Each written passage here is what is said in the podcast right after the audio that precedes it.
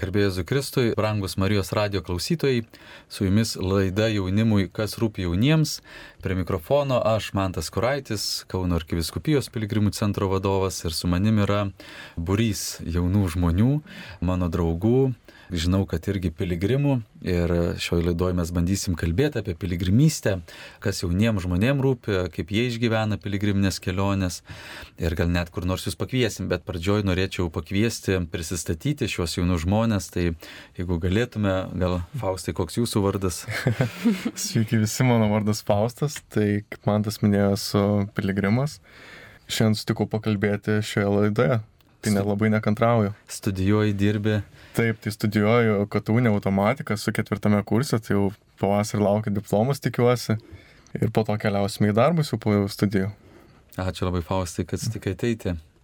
Esu Jeva, taip pat esu studentė architektūros studijose, magistrą baigsiu šiais metais. Tai lygiai taip pat kaip ir Faustas nekantrauju ir labai laukiu šito baigimo. Taip pat esu Jono Pauliaus antrojo piligrimų bendruomenės narė. Ačiū labai Jeva. Sveiki, mano vardas Gytė. Aš praėjusiais metais baigiau multimedijos technologijas tokią studijų programą ir šiuo metu dirbu Kauno tautinės kultūros centre, dailininkė ir visų galų meistrė. Ir smagu su visais čia susitikti ir pašnekėti. Tai ir laida jaunimui, ir kaip jau užsiminiau, mes kažkas, kažkiek, kažkur visi esame susijęs su piligrimystė. Ir Manau, kad vienas iš pagrindinių dalykų, kalbant apie piligrimystę, tai žinoti savo asmeninę piligriminę kelionę, kaip aš susitikau Jėzų, kaip aš sutikau Dievo, kaip aš einu link to santykio. Viena gražiausių ištraukų man šventajame rašte Mausų mokiniai, kurie eina, sutinka prisikėlusi ir iš pradžio jo net pažįsta, diskutuoja, kalbasi ir tai iš tikrųjų tai parodo tą kelią, kad ne, nebūtinai iš karto tu, tu atpažįsti Jėzų prisikėlusi. Tai štai jauni žmonės, kurie, manau, kad sutikė kažkaip Jėzų savo asmeniniai piligriminiai kelioniai, Galbūt galėtumėt nuo to ir pradėti kalbėti, pasakoti, nežinau, kuris iš jūsų drąsiausias, pasidalinti tą asmeninę piligriminę kelionę, kaip jūs sutikote prisikėlusi Jėzų. Tikriausiai aš galėčiau pasidalinti savo asmeninę kelionę. Tai 14 metų berots man buvo 8 klasė, kai susipažinau su viena mergaite, klasėje jinai kartu su manimi mokėsi. Labai įdomu, tikriausiai gal paminėsiu, kad šitą merginą po daugelio metų sutikau dabartinėje savo bendruomenėje. Aš atsimenu, mane taip sužavėjo savo išskirtiniu mąstymu ir mes tiesiog taip ilgai diskutuodom dėl to, kad aš save laikau netikinčia, o jinai save laikė labai tikinčia. Ir mes tiesiog labai daug diskutuodavom ir jai taip įgryso, kad jinai vieną kartą tikybos pamokoje mane pakvietė keliauti į piligriminę kelionę Taize. Bet jinai nepasakė to, kad tai bus Taize ir konkrečiai kas tai bus, jinai tiesiog sako, gal norėtum pamatyti Eifelį. Man yra 14 metų, nesu nei kartą keliavus su tėvais. Apie Eifelę esu labai daug girdėjus, apie Paryžių labai daug girdėjus. Tai kas nesusižavėtų e, tokiu pasiūlymu, tai kaip normali 14 metė mergina, man atrodo, net nepasvaršiu šitos galimybės, kas ten ir kaip bus. Aš sutikau, tėvų atsiklausiau, tėvai davė pinigus, išleido mane. Nu ir aš keliauju tą piligriminę kelionę, būdama 14 metų viena pirmą kartą autobuse su vienu vieninteliu pažįstamu žmogumi. Tai yra klasiokė. Ir išlipo Paryžiuje, norėčiau taip sakyti, bet dėja tai yra Prancūzija, Burgundijos kalnai, nėra jokio asfaltuoto kelio, žvirkelis, kažkoks kaimas, daug labai keistų žmonių, kurie įtartinai per daug šypsosi ir labai visi malonus tavim, gyvenime aš tokios patirties nesu turėjus kaip tik tai tenais ir man įvyksta šokas. Gal reiktų paminėti tai, kad aš esu iš labai kardinaliai skirtingos aplinkos, mano šeima tokia, gal įvardinčiau, labiau baikerių, pasauliečių. Tai man sutikti tokį arsenalą žmonių buvo labai kitaip, kultūrinis šokas. Bet čia ne Paryžius. ne, ir čia yra ne Paryžius. Ne Paryžius. Ten yra Taize kaimelis, ar ne Burgundijos kalnai, labai paprastas kaimas. Aš taip įvardinčiau, kad tuo metu tik tai prasideda mano tokia kelionė, kur aš jau viduj bandau suprasti, kur aš atsidūriau. Tai ne yra krikščionių bendruomenė, ekumeninė bendruomenė, jie gėda tris kartus dienoj, pamaldos yra. Ir man tikrai yra baisu, bet mane ramina tai, kad yra daug aplink mane jaunų žmonių, kai kurie lygiai tokie patys kaip aš, o kai kurie jau praėję savo didesnę kelionę, bet mes kažkaip visi bendrai labai per tuos pokalbius sugebėjom būti tame laike, kurį padovanojo. Ir aš pradėjau kelti tos klausimus savo viduje. Tai man toks, sakyčiau, įskirtinis momentas, galbūt toks susitikimas šitoj vietoj buvo vat, su Dievu kitaip, būtent per šitą taizę. Tai man didelė dovana, aš kaip dabar įvardinčiau, vien tik tai iš to, kad šita kelionė buvo ne tik tai apie mano santykių su Dievu ir į pradžią, bet apie mano santykių su daugeliu žmonių, kuriuos aš sutikau tenai. Vienas draugas, mes dabar minėsim dešimt metų draugystę kartu, toks labai labai geras, nešiom kartu tą pačią pavardę, mūsų mamos net vienu vardu pavadintos yra ir pavardė. Tai taip labai labai įdomiai mus taip apjungia šitą kelionę, aš tai vardinčiau kaip didelę, didelę dovaną. Pamatyti tos jaunus žmonės, gėdančius, tikinčius, galbūt visiškai netikinčius, nes tai zetu gali sutikti ir visiškai netikinčių žmonių. Tai toks išskirtinumas. Gal reiktų paminėti, kad to kelionėje su ta savo klasioke susipikau labai stipriai ir mes, kai grįžom, nebekalbėjom, bet vad prakalbau su ją tikriausiai po kokių penkių metų, gal truputį mažiau, atėjau Jono Pauliaus antrojo bendruomenę piligrimų ir tenai ją sutikau. Tiksliai neatsiminsiu, bet yra šventam rašte, kad pasižiūrėkite savo šaknis, tuos žmonės, kurie jūs supažindino su tikėjimu. Tai man tą akimirką aš taip žiūrėjau ją ir negalėjau patikėti, kad vad gyvenime būna va taip, va Dievas pajokauja. Tai galbūt taip. O grįžus iš tos kelionės kažkas keitėsi, kaip tu toliau keliavai, kad čia dabar Marijos radijų kalbėti. kažkas atsitiko, ką tu darėjai ar... Taip, gal tiesiog mano buvo pagrindas, tai kad labai norėjau paminėti, kad Taize pakeitė mano tikrai gyvenimą. Ta atspirtis buvo būtent nuo Taize. Gavosi taip, kad pakeičiau mokyklą, perėjau gimnaziją. Tenai sutikau kitą žmogų, savo dabartinę geriausią draugę ir mes kartu tikybos pamokoj, būdamos, atsisuko viena į kitą, abi visiškai dar tokio žalios tikėjimo, sakyčiau, vis dar galėčiau tuo metu pavadinti save netikinčią kažkodėl. Nors jau buvau grįžus. Nors jau buvau grįžus iš teize, bet aš nieko dėl to nedariau. Nevaikščiau į jokias mišes, niekur, bet būtent vat, tikybos pamokoj sutikau kitą merginą, kuri labai panašiai mąstė, labai panašu buvo viskas ir aš taip atsisukau ją, sakau, gal tu norėtum sekmaniais lankyti šventas mišes. Sako jo. Bet čia tu taip pati sugalvojai, būdama tikybos pamokose? Ar? Kažkaip va taip buvo. Aš negaliu pasakyti, ar tikrai viskas tiksliai. Gal jinai mm. pasiūlė šitą, gal aš pasiūliau. Paklaust, gal tai buvo autobuse, o gal tai buvo... Bet aš žinau, kad tikybos pamokos buvo vienas tų pagrindų, kur mūsų tikybos mokytas buvo labai nuostabus. Sakyčiau, toks irgi bikeris, mes muzikos grupę po to kartu su juo įkūrėm. Tai buvo labai labai gražus laikas mums tose tikybos pamokose ir mes va su juo kažkaip išvelgėm viena kitoje panašias gyvenimo vertybės ir mes pradėjome eiti kartu į šventas mišes. Tada nuėjom į parapiją, į parapijos jaunimą, pradėjom gėdoti, išėjom iš parapijos jaunimo ir dabar kartu esam Jono Paulius antrojo piligrimų bendruomeniai. Ačiū Jėva už savo piligriminę kelionę, kurioje tu pasidalinai. Gyte, kaip tau atsitiko, kad tu, ko gero, esi tikintinė mergina? Mano istorija atrodo, kad apima visą gyvenimą, nes taip jau ir yra su to tikėjimu, kad jis apima visą gyvenimą. Tai aš augau tikinčioje šeimoje, mano tėvai atsivertė, kai man buvo vieni metai, man atrodo. Tėvai, žodžiu, pirmieji pradėjo tikėti, bet tai kaip ir davė kažkokius pamatus mano gyvenimui ir mano tikėjimo tai pradžiai, galima sakyti, bet ir tuo pačiu galima sakyti, kad daug ir pridirbo dalykų, nes kadangi kiekvienoje šeimoje būna kažkokių problemų, tai mes kaip vaikai, aš su savo sesim pradėjom kaltinti tikėjimą dėl šeimoje esančių problemų. Ir gavosi taip, kad kaip ir aš tokiam pasidalinime buvau, tokiam jaučiaus dualiai, kad lyg ir noriu tikėti Dievą, bet ir tuo pačiu jaučiu jo daug pykčio, lyg jeigu esi, tai kodėl vyksta blogi dalykai, ar ne? Kaip ir va taip ir gyvenau ilgą laiką iki, nežinau, iki paauglystės, sakyčiau, kad kaip ir man rūpi tas Dievas, bet kaip ir aš jo negaliu net iš tiesų ir priimti. Vėliau gavos taip, kad su sesė išvažiavom irgi naujametinį teizę susitikimą Romoje, kuris vyko ten irgi patyriau tokį galbūt pirmąjį globalesnį, apimantį daugiau žmonių susitikimą, kurie yra iš skirtingų šalių.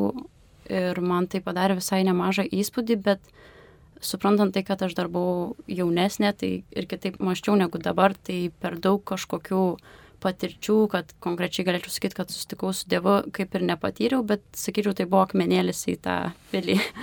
Bet vėliau gaus taip, kad aš, sakyčiau, visai atstumiau tą tikėjimą ir pati pasitraukiau, nes tikrai laikiau daug pykčio ir galvojau, kad nesąmonė tos mišios, ką čia žmonės veikia ir kodėl aš iš viso eiti.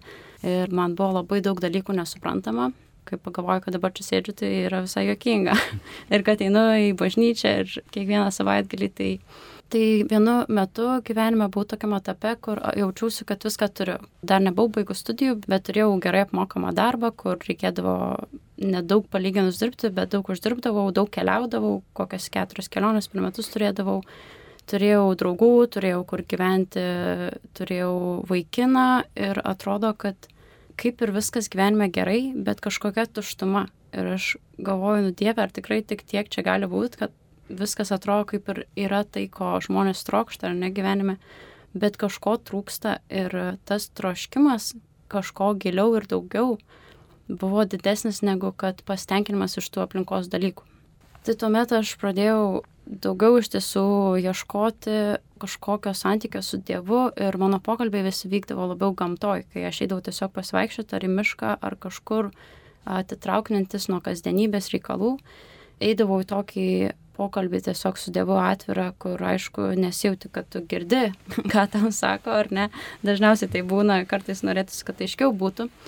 Bet tokia buvo mano ta pradžia, kad aš pradėjau gręžtas mintis į Dievą ir klausti Dievę, ar tikrai nėra čia daugiau už to gyvenimo, ar tikrai tik tiek pilna, ar turiu jaustis iš vidaus, kad čia jau yra maksimalus lygis, kurį pasiekiau. Ir tuomet kažkaip po ranka pasitaikė irgi piligrimų centras, tai Jono Paulio antrojo piligrimai. Ir mane pakvietė keliauti į vasaros stovyklą. Vėliau pakvietė važiuoti irgi į Taizę miestelį. Iš tiesų tai aš tiesiog nusprendžiau pasileisti į tai, ką man siūlo, per daug nebandydama logiškai suracionalizuoti, ar čia aš kažką dabar iš to gausiu naudingo ar ne, kaip čia viskas vyks, bet tiesiog pasiduoti tai, į kur kviečia. Ir iš tiesų visą laiką, kai kažkur pakviečia tave ir tu pasileidai, tai, tai duoda žymiai daugiau negu gali tikėtis. Paskui kitos patirtis buvo irgi teize miestelėje, kai po daug metų nuėjau iš pažinties ir tai irgi buvo labai stiprus įvykis, nes buvo aišku nejauku eiti angliškai kalbėti prieš kunigą kažkokį tarp daug žmonių, bet vis tiek tai buvo toksai tikrai labai paliečiantis momentas, kai atrodo, kad pradėjau pažinti, koksai iš tiesų yra Dievas, o ne kokį aš jį įsivaizduoju. Pradėjau pažinti, koks jis yra, ne tai kaip kiti man jį patikė, galbūt ar mano šeimoje, ar kažkaip kaip aš pati jį interpretavau. Ir tas pažinimas, koks jis iš tiesų yra, kiekvieną kartą, kai atrandi kažką naujo, apie jį, o ne apie tai, kaip tu apie jį mastai, tai sakyčiau, kad tai pagrindinis dalykas, kuris labiausiai keičia, keičia ir mano pačios vidų.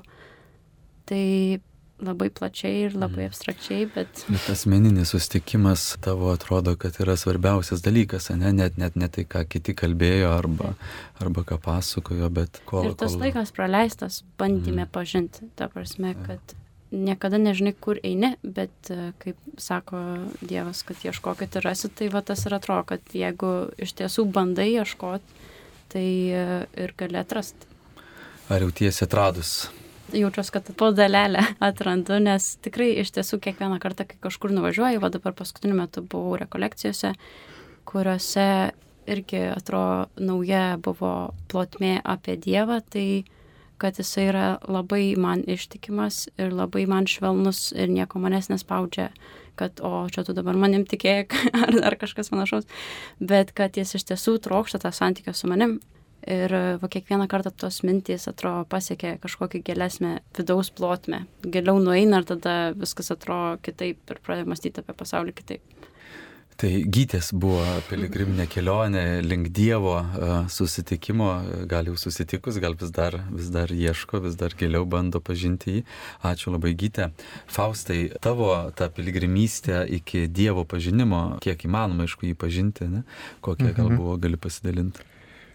Tai jeigu aš galvoju, kada susitikau su Dievu, tai man pirma mintis yra, kada aš nesusitikau su Dievu. Tai buvo 11 klasė, kai turėjau nuostabų sutvirtinimą, buvo nuostabi komanda, praleidom labai gerą laiką, toks labai parodė man Dievą, kas jis toks yra, nes anksčiau nie, niekada nežinau apie jį, niekas nepasako, niekas šeimoje nekalbėjo, draugai to labiau nekalbėdavo. Ir aš tą pamačiau, bet tuo metu man buvo neįmanoma su juo susitikti, nors jis labai norėjo, bet tiesiog aš buvau per daug didelis, per daug pats savo fainas, man jo nereikėjo, aš tiesiog buvau, ką man reikia, ką aš esu aš pats.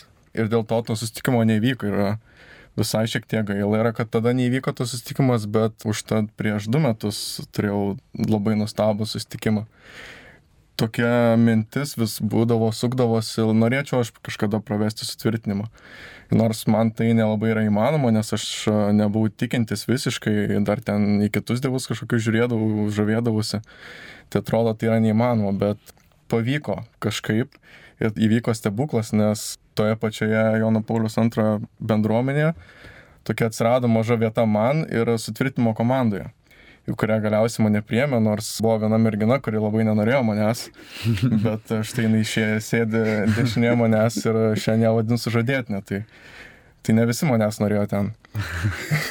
tik reikėjo, pasirodo, norėjo, tik reikėjo padirbėti daugiau. Tai, tai tas sutvirtinimas prasidėjo labai įdomiai, toks didelį įtampui, nes aš nieko nežinau apie Dievą ir turiu pasakot, liudyti jį.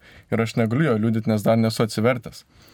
Ir kokiam antram arba trečiam mėnesį aš jaučiu, kad kažkas jau labai didelio vyksta manie. Šiaip aš niekada nemėgdavau mišių, nesuprasdavau, kaip galima eiti mišes, kaip galima valandą sėdėti, stotis, klauptis, nait pas kunigą, priimti komuniją, kad ir ką tai reikštų. Ir po to išeiti ir taip kasdien, kas sekmadienį. Tai aš turiu geresnių veiklų, ką veikti. Bet įvyko viena diena, kai aš per dieną turėjau tris šventas mišes. Buvo tokia istorija, kad mes su Jėva turėjom rašyti laiškus savo grupelį sutvirtinimo, bet... Jūs buvot kartu vadovai. Taip, mes buvom kartu vadovai. Atsitiktinai. Tai bandėm rašyti laiškus ir jinai išrišo, kad jinai man patinka. Tiesiog nebegalėjo nuslėpti to. Ir mes tada taip visai susipykom, nes gal ne, nesusipykom, bet labai dėl įtampa atsirado. Ir tada viena gera draugė pakvietė į mišes. Dar prieš tai buvau kitose mišiose, bet viskas prasidėjo, kai Kaune Vytauto bažnyčioje aš vienas sugalvojau tą dieną nueiti mišes ir komunijas nejau, atėjau šiek tiek pavėlavęs, vietų nebebuvo, atsistovau gale, ten tiesiog stoviu per vidurį. Ir kunigas dalina komuniją, išdalino komuniją ir jis toliau stovi ir, ir žiūri mane. Ir aš nejaukiai jaučiuosi, stovi toliau ir žmonės iš visos bažnyčios atsisuka į mane ir žiūri, kas čia vyksta, kodėl kunigas nenueina. Ir aš visas balsturu, raudonuoju, nežinau kur dėtis. Ir pagaliau nueina kunigas, bet nueina prie altoriaus kampo ir vėl sustoja ir vėl atsisuka, vėl žiūri mane.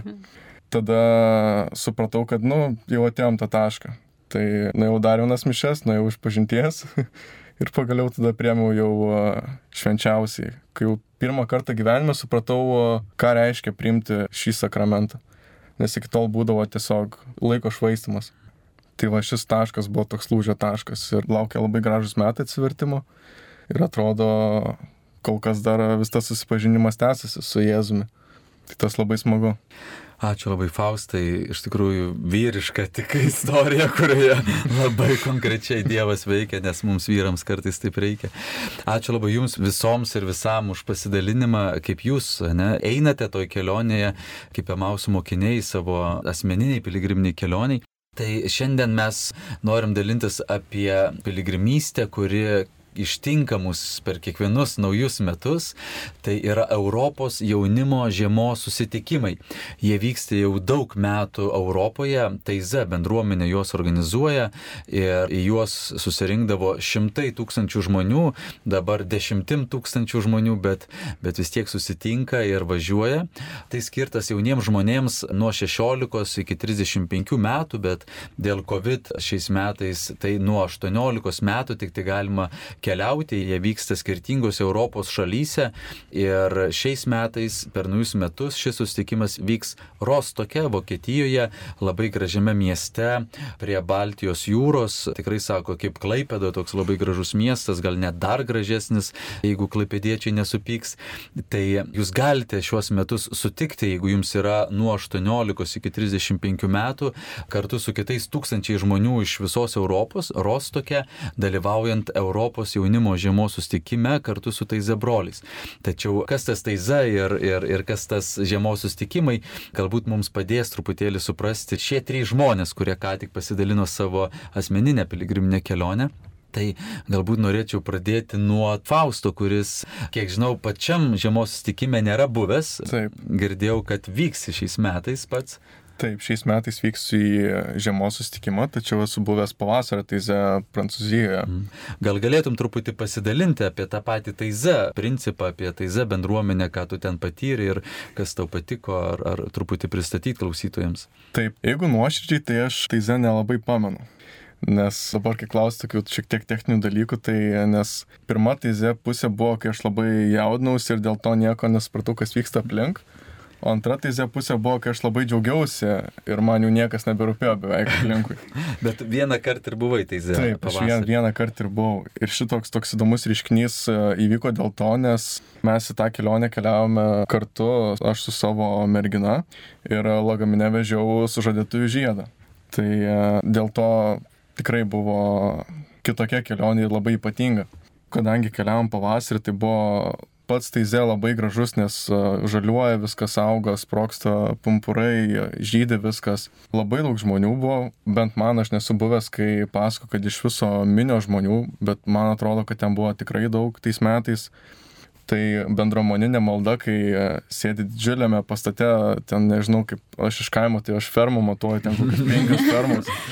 Yra įspūdinga ir kai visi kartu gėda ir netgi kai išgirsti lietuvišką giesmę, toj masiai žmonių yra koks, nežinau, 30 lietuvių tik tai ir visi gėda lietuviškai, tai yra kažkas tokio, kas labai paliečia. Mhm.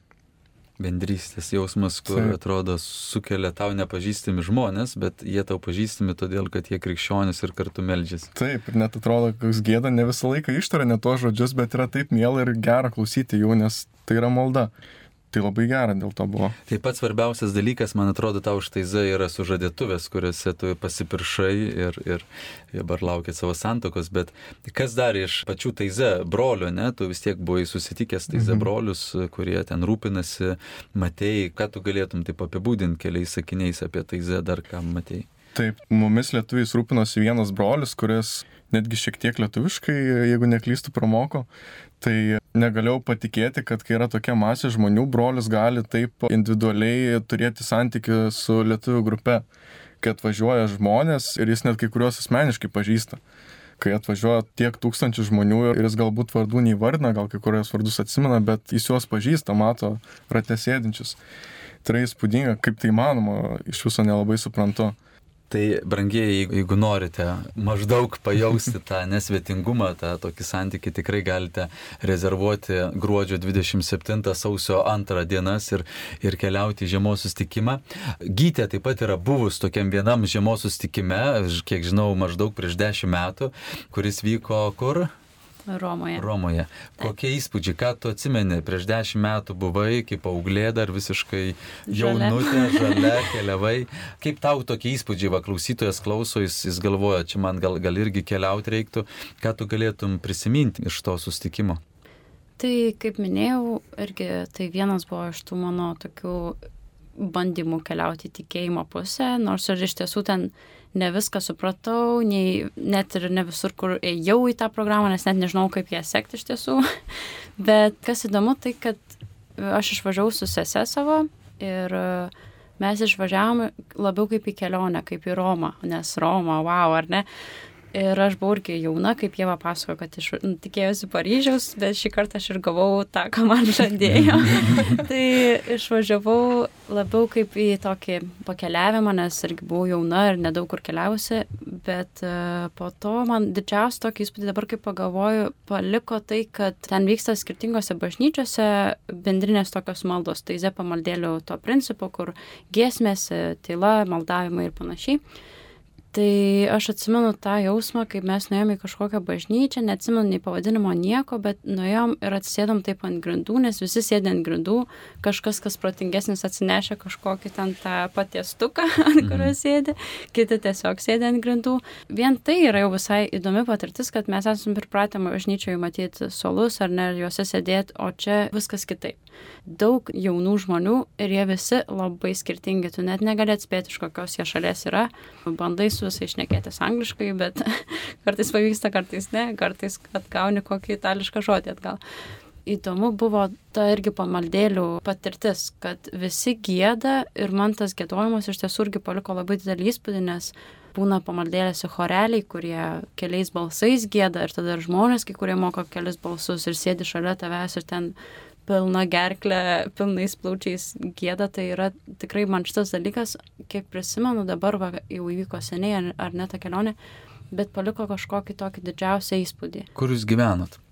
Mes gyvenom pas vienuolės vienuolinę ir paskutinę dieną, kai jau reikėjo išvažiuoti, turėjom bendrą vakarienę ir kai tos vienuolės sužinojo, kad aš su sese atvažiavau, tai jos atrodo, kad visam pasauliu paskelbs, pribėgdavo viena prie kitos ir sakydavo, oh, jūs sesės, jūs sesės. Tai irgi, jeigu kažkas nori pasimti sesę arba brolį, tai tikrai galima ir sakyčiau, kad verta. O jeigu kalbant apie pačią šiaip piligrimystę, tai kaip minėjau, kad aš mėgstu irgi keliauti, tai labai įdomu, kad irgi atsiradau Jono Paulius antrojo piligrimų bendruomeniai, kuri yra susijusi su kelionėm, tos piligriminės kelionės ar ne, bet ir tuo pačiu ir su tikėjimu. Kaip ir minėjau, kad trūksta kažko, tai va tau būdas gauti, išbandant naujus dalykus, bet kartu su Dievu, o ne tiesiog važiuoti, nežinau, į Indoneziją pasėdėti prie paplūdimio kokio. Tai dėl to aš manyčiau, kad labai tikrai verta bandyti leistis į tokias keliones, nes niekada nežinai, ką juose atrasi, bet čia ir yra, man atrodo, tas kabliukas, tas azartas. Niekada nežinai, ar čia bus smagu ar nesmagu, bet kad kažką atrasi, tai tikrai.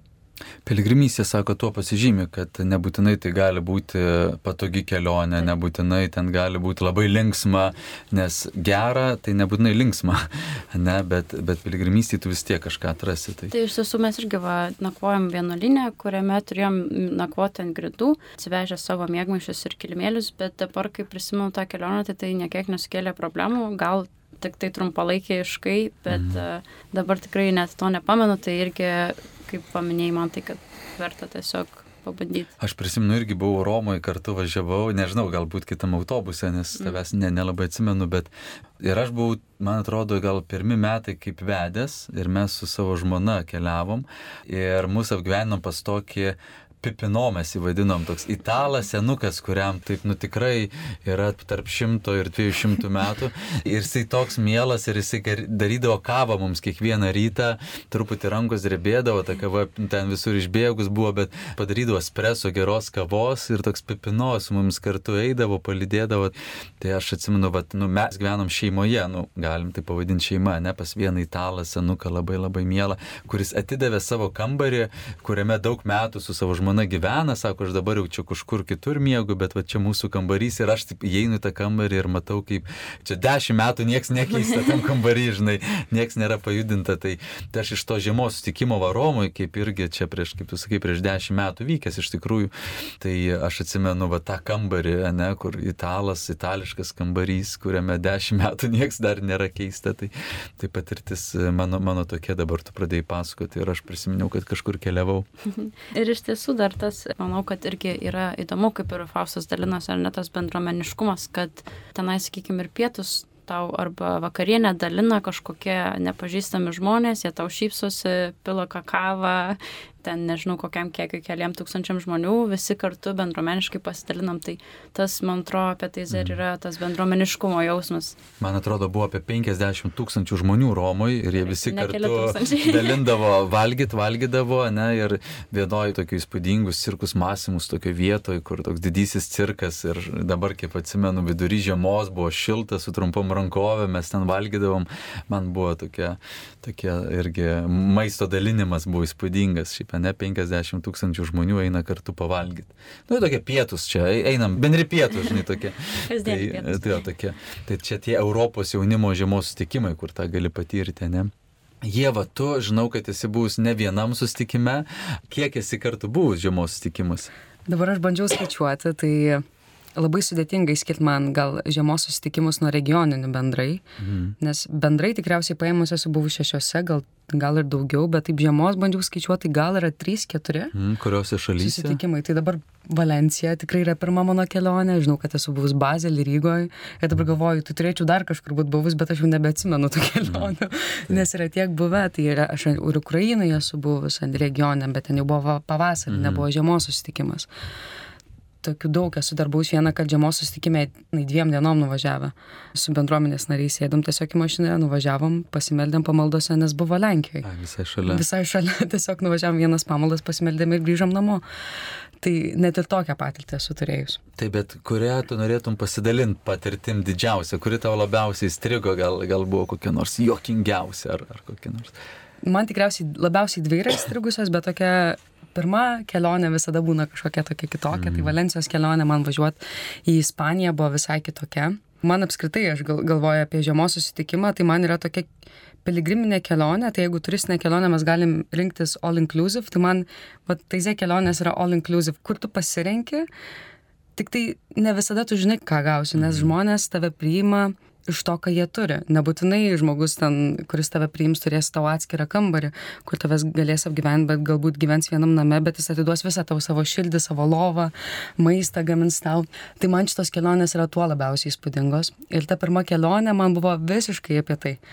Ispanija nuostabi šalis, ispanai nuostabi kultūra, jų bendravimo stilius yra visai kitoks negu mūsų lietuvių. Ir aš atsimenu tik tai tai, kad mes įsėdam su to pačia dabar jau dabartinė savo geriausia draugė, su kuria sugalvom sekmanį įsėti mišes, sėdam į autobusą, abi dvi kartu sėdam, nemažai pažįstamų jau žmonių šį kartą autobuse, bet už mūsų atsisėda du mums nepažįstami vaikinai, Vienas dešimt metų vyresnis už mus, o kitas taip keliais metais vyresnis už mus. Ir man šita kelionė tuo ir įsiskyrė, kad aš sutikau visiškai skirtingus žmonės, naujus savo draugus. Mes tris dienas praleidom autobuse. Ta prasme, tuo ir išskirtinė yra šita kelionė, kad jinai neprasideda tik tada, kada tu atvažiuoji į Ispaniją, jinai prasideda tada, kada tu įsėdi į autobusą.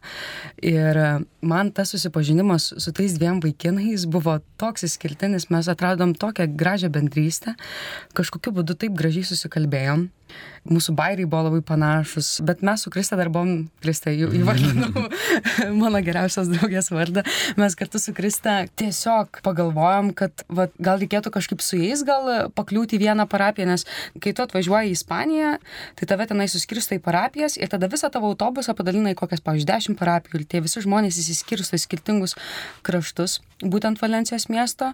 Ir mes kažkaip visi gal keturiese nusprendėm, kad būtų fainai mums pakliūti į vieną parapiją, mūsų vadovė labai to nenorėjo, nes mes gal keliam labai daug problemų būdami autobuse, aš nežinau. bet, ne tik autobuse. ne tik autobuse, bet kažkaip gavos, kad liko keturios vietos ir mes likom keturiese. Mes, žodžiu, keturiese patekom į tą parapiją. Tai buvo viena tokia, sakyčiau, didelė dovana, tai kad susipažįsti su naujais žmonėmis, su jais patenki į vieną parapiją ir gali toliau patirti tą bendrystę. Tada ta kita tokia man apie taizę labiausiai kalbanti patirtis, tai yra vat būtent tas šeimose gyvenimas, ką man tas minėjo. Bet mums teko gyventi šeimoje pas nuostabią moterį, jinai našlė buvo, bet turėjo jau du suaugusius vaikus.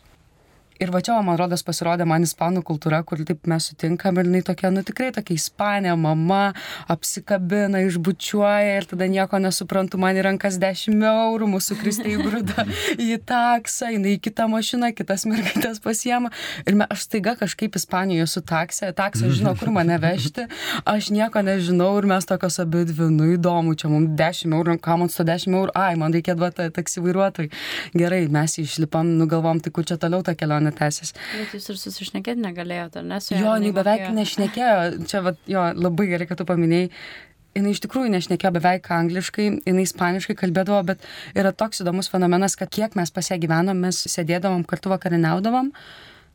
Ir mes visą laiką susikalbėdom, aš žinau, kur jos, žinau, kur jos vaikai dirba, ką jinai veikia gyvenime. Nu, tai yra toks labai, tikriausiai, aš net neatsimenu, kaip tai vyko, bet aš apie ją iki šių dienų atsimenu, kokia jinai yra nuostabi moteris.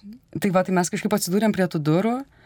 Įeinam į tuos namus, tai ten viską prodo, prodo, tada dar tokios, dar tarsi kitos duris yra ir nelabai suprantu, kur tos duris veda, bet čia tarsi kitas būtas, jinai atidaro to kito būto duris Ir sako, čia vat jūs gyvensit.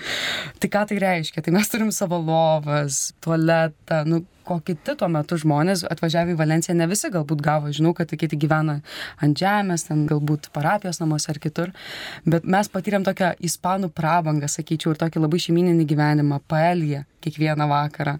Tai nuostabu. Ir dar gal toks paskutinis momentas, kuris labiausiai man įstrigo, tai vad, kai tu važiuoji į teisę susitikimą žiemos, tai tu patiri, ką reiškia naujus metus švęsti kitoje šalyje.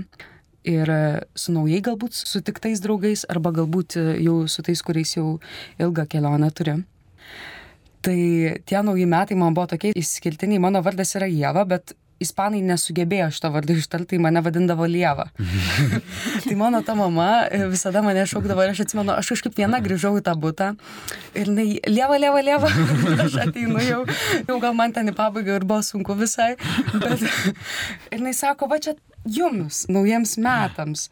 Ta prasme, sakau, tai nesakau, mes į tautų šventę, ten visko bus, ne, ne, ne, sako, aš čia tau prikrovau visko, ir ten taip atsidarau, ten šampano vienas yra, ten gal dar yra daug vynogių, daug visokių vaišių. Ir aš tada einu su tais maišais, aš galvoju, nu geras, aš galvoju, kad man čia reikės įti parduotuvę, nusipirko kokią tortą, tai ta šventė, jinai viskuo pasirūpino. Ir mes tada ateinam, mūsų parapija buvo centre Valencijos, tai aš sakyčiau, čia vėl didelė Dievo dovana. Ir aš ateinu į tą parapiją, mes visi ateinam, ir dabar sako, mes dabar eisim visi į centrą. Tai ką tai reiškia, tu eini į centrą švesti naujų metų su visais ispanais. Ir jie turi tokią nuostabią tradiciją, kai pas mus 12 sumuša, tai mes visur ferverkus matom. Tenai miesto centre to negalima daryti konfeti. Ir jie turi tradiciją 12 dūžių. Ir per kiekvieną 12 dūžių tu turi suvalgyti po vynogę ir sugalvot norą tai yra neįmanoma. Ta prasme, aš tos norus buvau pasiruošus, bet tai yra neįmanoma. Pausas, pausas, pausas. tai tikriausiai buvo vienas iš jų. Bet tas jausmas, aš net, negalėjau, negaliu jo apsakyti. Tiesiog tas vynogės, tie dūžiai, draugai aplink. Ispanija, be tėvų. to aš dar buvau nepilnametė tikriausiai. Tai įskirtinė kelionė. Aš sutikau nuostabius žmonės, nuostabius draugus, kurie ne tik tai, kad mums fainai buvo, bet mes kartu meldėmės. Tada nuostabi kultūra pažinta, gyvenimas kitoj šeimoje, kur tave visiškai pilnai priima. Oi, aš tas keliones tikrai mėgstu, myliu ir labai norėčiau vykti į šitą kelionę, bet mano sužadėtinis keliauja. tai kaip tik, kaip tik, kur nors vietos atras. Tai ačiū labai Jėva ir mes norėjom, kad klausytojai išgirstų ne maždaug, kas tai yra tie Europos žiemos sustikimai. Ir tikrai mes kartais nežinom, todėl nevykstam, bet, bet štai ačiū Marijos radijui, kad mes galime apie tai dalintis ir noriu visus pakviesti. Galbūt jūs pažįstate draugų, kaimynų, turite vaikų, anūkų, nesvarbu. Šiais metais galite užsiregistruoti lapkričio mėnesį iki gruodžio 15, man atrodo, yra registracija, bet e, geriau kuo anksčiau, nes negali ir anksčiau baigtis. Tai jeigu jūs e, norėtumėt arba pažįstat, paraginkit savo draugus patys, galite susiburti savo draugų grupę ir, ir, ir kreiptis į piligrimų centrą arba akademinę sielovadą. Kiek aš žinau, dvi grupės tikrai važiuoja, nesvarbu iš kokio miesto, Klaipėdos, Kretingo, Palangos, Vilniaus, Kauno, tikrai rasite informaciją internete, Kauno arkiviskų viskupijos piligrimų centre arba akademiniai sielovadoj.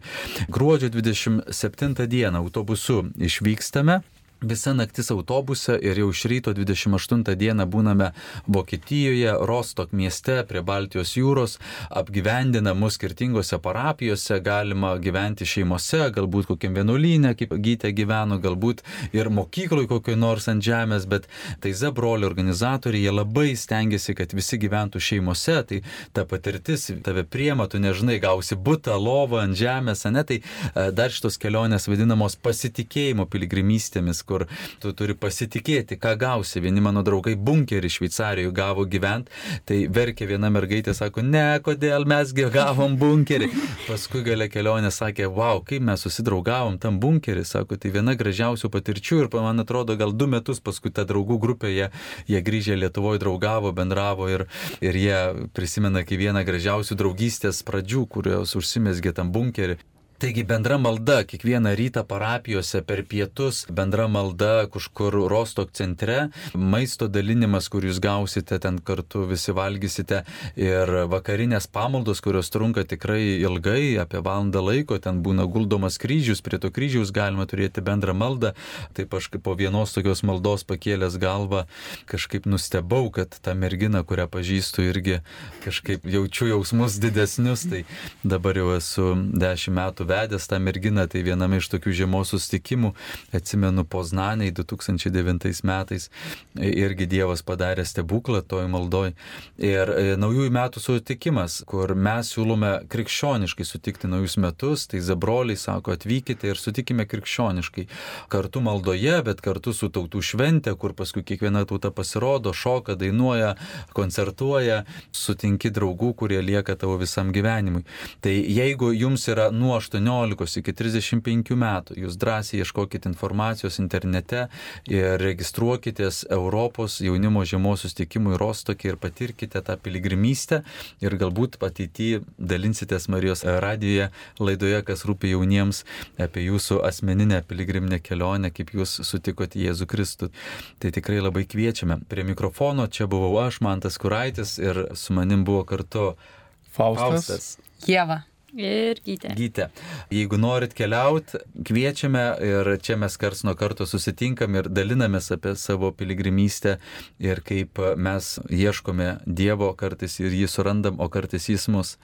Tai ačiū, gražaus vakaro ir garbė Jėzui Kristui.